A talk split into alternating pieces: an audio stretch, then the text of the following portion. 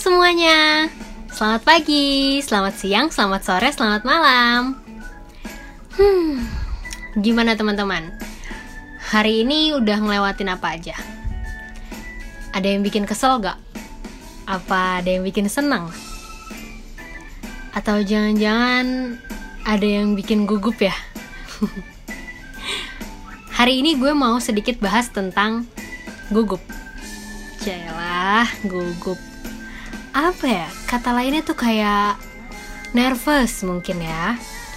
Atau lebih tepatnya tuh kayak kita mau ngomong udah ada di pikiran tapi blank gitu aja. Nah sekarang nih gue mau sedikit bahas tentang cara ngilangin gugup sebelum ngomong. Ngaku aja deh siapa sih di sini yang gak gugup pas mau ngomong? Ya mau ngomong depan umum depan keluarga ngomong pas presentasi, atau pas sidang skripsi, atau juga pas pitching sama klien. Kita mau sharing bareng tentang cara-cara buat ngilangin gugup.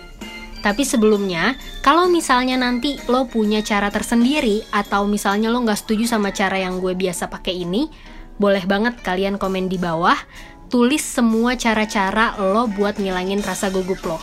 Salah satu hal yang biasa kita pikir gampang, ternyata susah nih teman-teman. Yaitu tadi yang gue bilang di awal.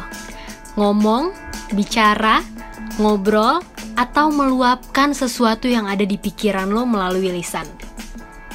Kita tahu apa yang mau disampaikan, tapi kadang bingung cara nyampeinnya gimana. Pernah gak sih lo ngerasain kayak gitu? Bahkan bisa bikin kita kikuk tiba-tiba. Otak blank gak tahu di mana dan bingung mau ngomong apa. Duh, mati gaya deh gue.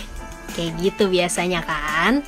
Tapi tenang, banyak cara yang bisa lo lakuin buat ngilangin gugup itu. Beberapa hal ini adalah cara yang biasa gue lakuin kalau gue udah ngerasa gugup atau grogi. Kadang, kalau misalnya gue udah ngerasain gugup itu, gue bisa sampai deg-degan sebelum ngomong. Teman-teman yang deket sama gue pasti tahu deh, gimana groginya gue, gimana nervousnya gue kalau gue mau ngomong di depan orang banyak. Silahkan dicoba ya, kali aja ini bisa lo lakuin buat hilangin rasa nervous lo. Kita bahas satu-satu. Pertama yang harus lo lakuin adalah pede aja. Ingat, pede, percaya diri.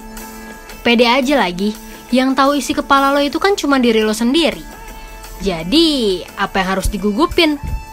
Oke, yang selanjutnya itu gampang banget. Lo cuma perlu fokus. Fokus aja sama apa yang mau lo obrolin.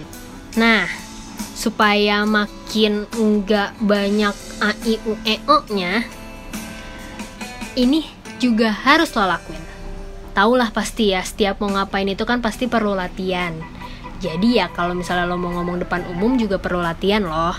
Yang jadi pertanyaannya itu kan gimana cara latihan depan umum? Ya gak sih? Caranya gampang banget.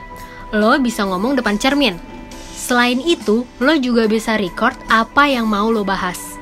Hal ini ampuh banget supaya bikin lo luwes pas lagi ngomong dan inget sama bahasan apa aja yang mau lo bahas. Oke, dua terakhir yang pastinya juga perlu lo lakuin. Senyum guys. Tersenyum adalah cara terbaik mengatasi hal buruk seperti rasa gugup. Tersenyum juga merupakan jawaban selanjutnya gimana cara lo mengatasi hal buruk seperti rasa gugup itu. Nah, lo bisa ngasih aura positif juga ketika lo ngeliat orang tersenyum kan? Jadi, kasih deh senyuman terbaik lo buat orang-orang yang menjadi audiens lo nanti. Yang paling penting adalah jaga kontak mata. Supaya apa? Supaya lawan bicara lo tetap fokus sama lo. Jangan sering nunduk atau terpaku sama bacaan teks yang lo buat. Misal, lo bawa cue card, tapi mata lo itu fokus banget baca cue card. Itu jangan sampai kayak gitu ya. Ini malah bisa bikin lo makin gugup. Karena baca not yang udah lo bikin sebelumnya bikin orang tuh kayak ngerasa, wah, ini anak kayaknya nggak siap deh. Nah, itu yang harus lo hindarin. Biasanya gugup itu kelihatan banget dari gerak-gerik lo atau mimik muka lo atau gestur badan lo. Biasanya tuh yang paling sering adalah mengucapkan uh, hmm, uh, hmm, ya apa ya? Uh, jadi, nah, jangan sampai kayak gitu. Percaya atau enggak, gue termasuk orang yang gak bisa cepet ngobrol atau ngomong di depan orang banyak. Tapi kalau gue udah ngomong, gue mau diberhentiin sama siapa pun kayaknya susah deh. Ya, gitu deh ya. Ada gak sih yang kayak gue gini? Dulu pertama kali gue presentasi pas zaman sekolah rasanya nggak mau ngomong Mau bagian operator aja yang mencetin powerpoint di laptop Hah, itu semua saking gue parnoannya sama depan orang Sampai akhirnya haruslah gue presentasi sendirian Dan jeng jeng jeng di situ gue mulai belajar Gimana cara ngomong di depan orang yang paling terpenting adalah percaya sama diri lo sendiri dan kemampuan yang lo punya. Karena mau caranya sebagus apa pun, sebaik apa pun, semua itu yang bisa ngebantu cuma diri lo sendiri. Oke, kalau misalnya ini bermanfaat buat teman-teman, silahkan share sebanyak-banyaknya. Kalau misalnya lo punya cara lain, silahkan tulis di komen.